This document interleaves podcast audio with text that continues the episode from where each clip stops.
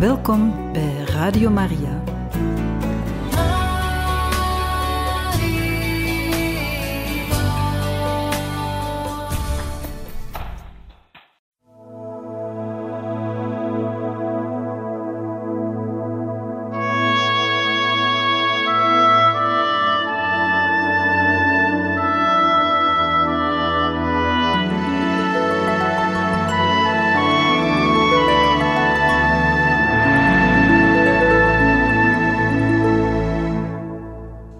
Een stortvloed van epidemieën. Conradi, de Belgische priester, moet van overste weg. Mei, september 1888.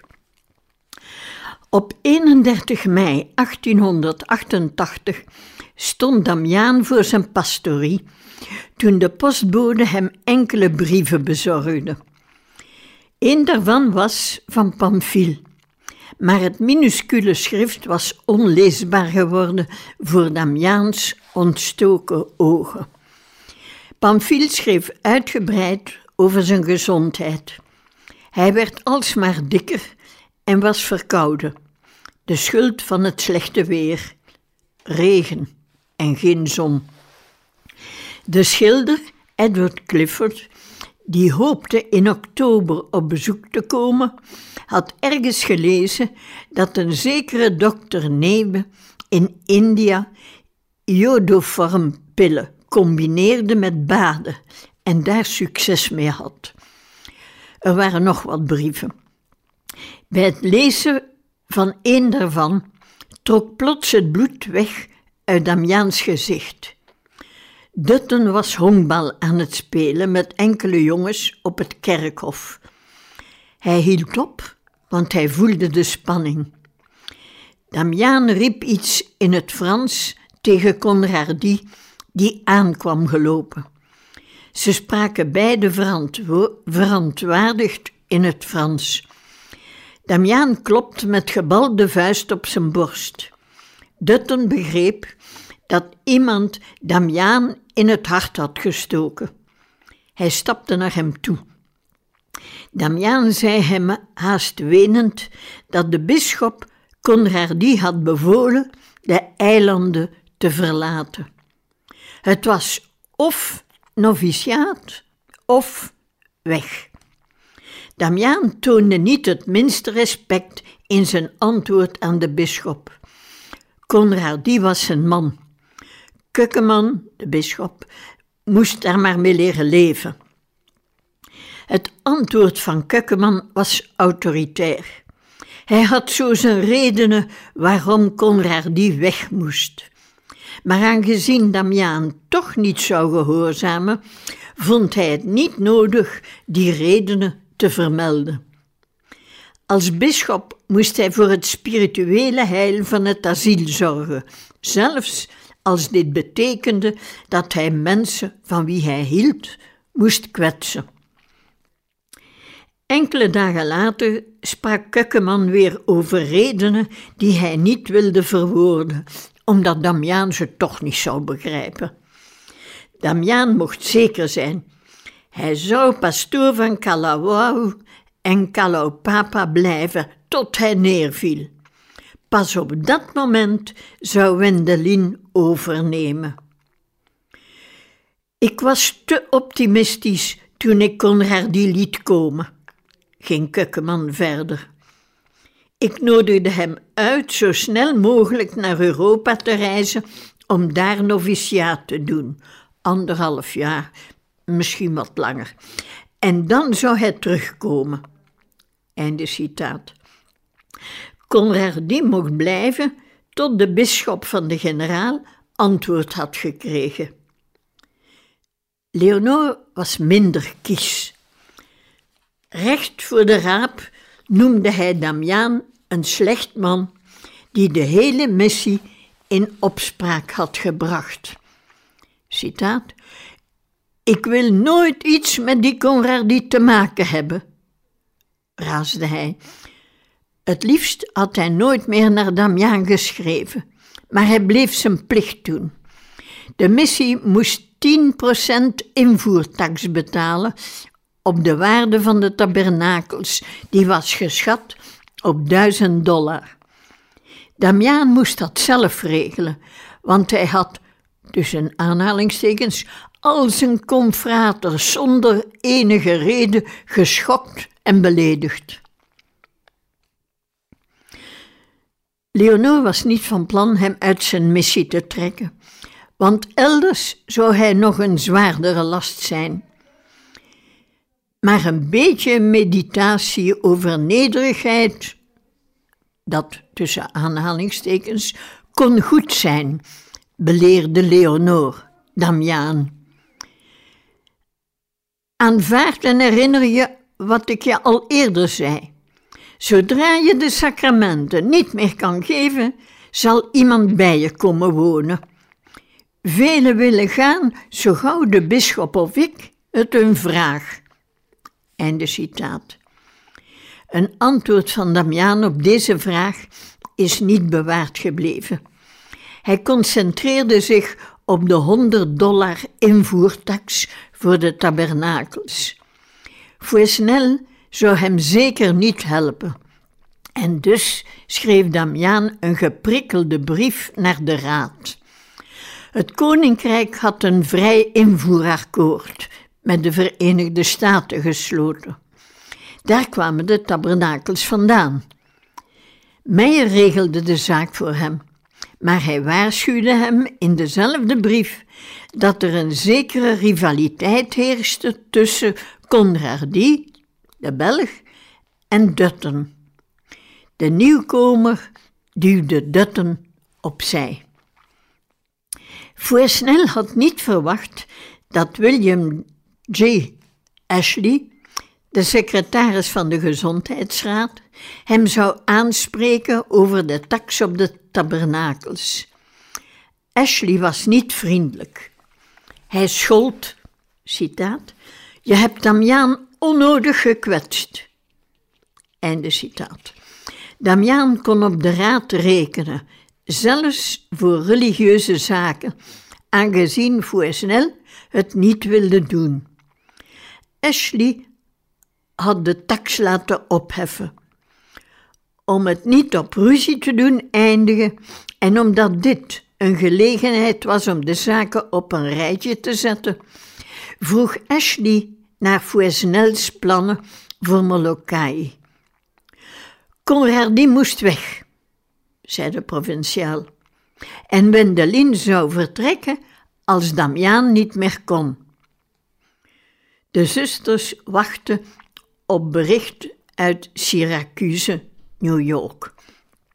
Ashley rapporteerde aan Emerson dat de zusters zouden vertrekken als Damiaan stervende of dood was.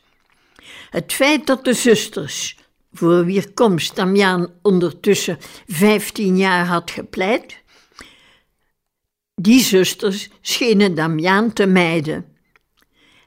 Kwetste Emerson en dat kwetste Emerson en hij nam contact op met de Anglikaanse bisschop van Honolulu met de duidelijke vraag of hij een orde kende die op Molokai wilde werken. Handig deed Emerson dat bericht uitlekken, zodat het voorsnel ter oren kwam. De provinciaal was in paniek en dat leidde tot een astma-aanval. Ondanks zijn acute ademnood trok hij de stad in, op zoek naar mango's om naar Damiaan te sturen. Het ging hem allemaal te ver. De griepepidemie werd in juni gevolgd door een ernstige buikinfectie die met hoge koorts en diarree gepaard ging. De patiënten voelden zich onwel. Meijer was er zelf het slachtoffer van en ondanks het feit dat hij een gezond man was, kostte het hem dagen om te herstellen. Dr. Peterson meende dat het om een vorm van voedselvergiftiging ging, omdat tamelijk veel van Damiaans jongens ziek werden en ze allemaal zalm in blik gegeten hadden. Hij trok naar de winkel en drukte een stukje vis plat tussen zijn vingers. Dat ging zonder moeite. En hij besloot dat de vis ongeschikt was voor consumptie. Ambroos beschouwde dat als een persoonlijke belediging en viel dokter Peterson zo hevig aan dat die ontslag nam. De patiënten maalden er niet om, want Peterson had hun vertrouwen niet kunnen winnen. Haar oliemedicamenten hielpen toch niet, dus raadpleegde ze maar weer als van oud de inlandse, de Amerikaanse uh, medicamenten. Zoveel geruchten deden de ronde over die vreemde epidemie. Sommigen zochten het bij de zalm in blik, anderen bij de verse vis, nog anderen bij het weer. De passaatwinden waren in juni gaan liggen en de bewegingloze hete lucht drukte zwaar op het schiereiland. Er werd ook gefluisterd dat de raad vergiftigde waterpijpen had gebruikt om de dure melaatse uit te roeien. Conradi berekende dat sinds zijn komst drie weken tevoren 90 van de 800 inwoners gestorven waren. Begin mei had Damiaan 90 weesjongens onder zijn hoede. In juni waren dat er nog 65. Beide priesters moesten zoveel begrafenissen verzorgen en zoveel stervenden bijstaan, dat ze geen tijd hadden om de administratieve taken perfect te klaren. En daar vitte Fouet snel op. Damiaan wist in elk geval niet hoe hij de maand zonder de Belg Lambert-Louis Conradi doorgekomen zou zijn. Een diepe droefheid lag over het land, want men speelde geen vrolijke muziek meer bij begrafenissen. Te veel muzikanten waren ziek of gestorven. Iedereen rouwde over minstens één persoon en het verstikkende weer maakte de mensen krachteloos.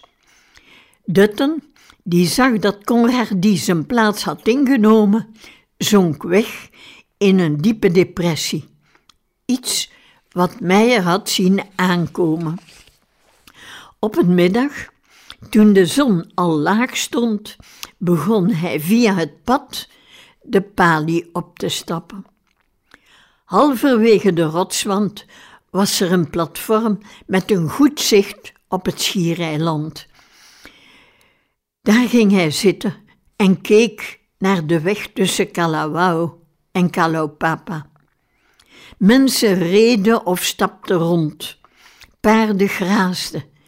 Hij bleef op dat platform zitten tot na zonsondergang en keerde dan terug naar zijn hut. Die dag besloot hij te blijven, wat ook de gevolgen mochten zijn. Hij moest Damiaan bijstaan. Die zomer waren Damiaans ogen zwaar ontstoken. Hij had pijn en stelde zich vragen over de toekomst. Telkens weer vertrouwde hij Dutten toe dat zijn overste gelijk hadden. Hij was de hemel niet waard. Dutten antwoordde: Met al wat jij gedaan hebt, jij gaat recht omhoog. Einde citaat.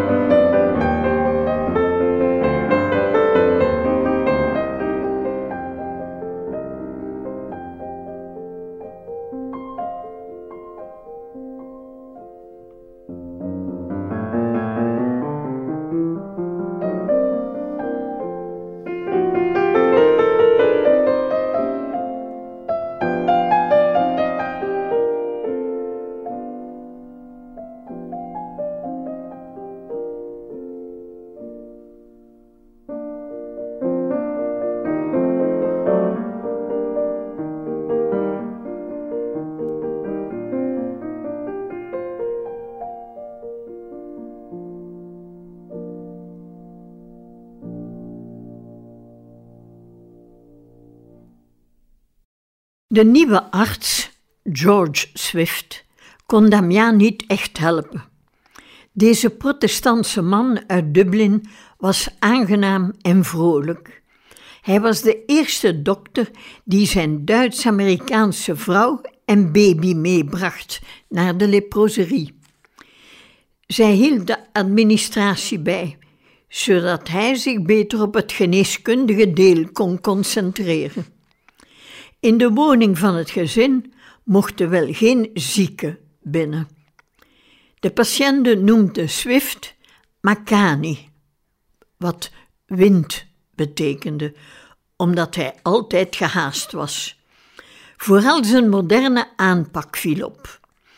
Omdat drie Melaatse vrouwen hoogzwanger waren, vroeg hij de raad rubberen handschoenen voor hem te bestellen bij Goodyear Rubber Company in San Francisco. Hij werkte met een Galo-batterij, omdat hij, zoals Fitch voor hem, meende dat elektrische schokken wat soelaas brachten. En hij was spaarzaam.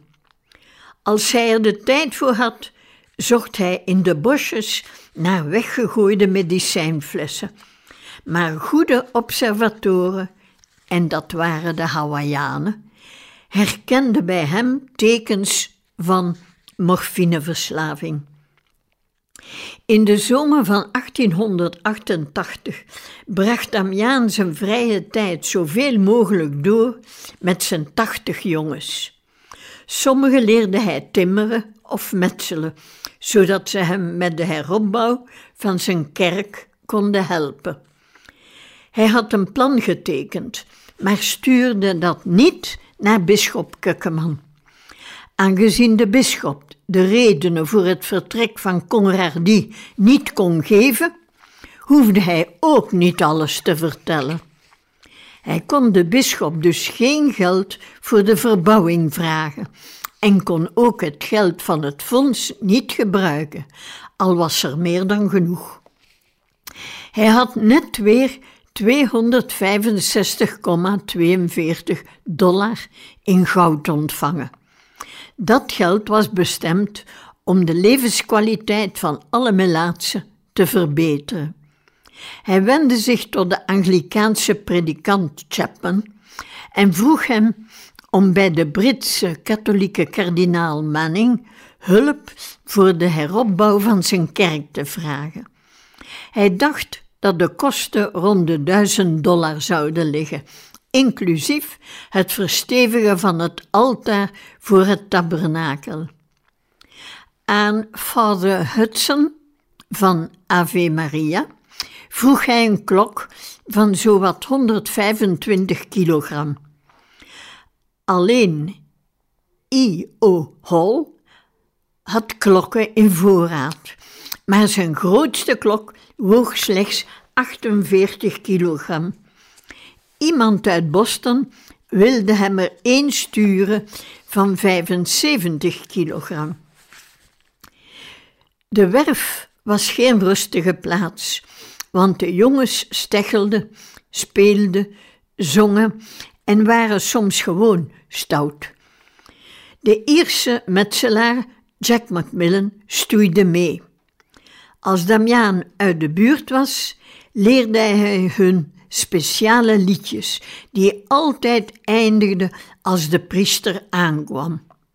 Soms deed de priester alsof hij echt kwaad was, want dat verhoogde het plezier. Daarna keek hij naar het werk en zei: Wel. Boven de nieuwe hoofdingang trokken ze een stevige vierkante toren op. Jack moest voortdurend aanwezig zijn en bracht vaak zijn half Hawaiiaans dochtertje mee, want het kind speelde graag met de jongens. Op een dag bracht dokter Swift zijn camera mee. Jack poseerde trots met zijn dochter, terwijl de jongens verschillende groepen vormden. Conradi wou wel op vier of vijf foto's staan, maar Damiaan weigerde ook maar één foto te laten nemen.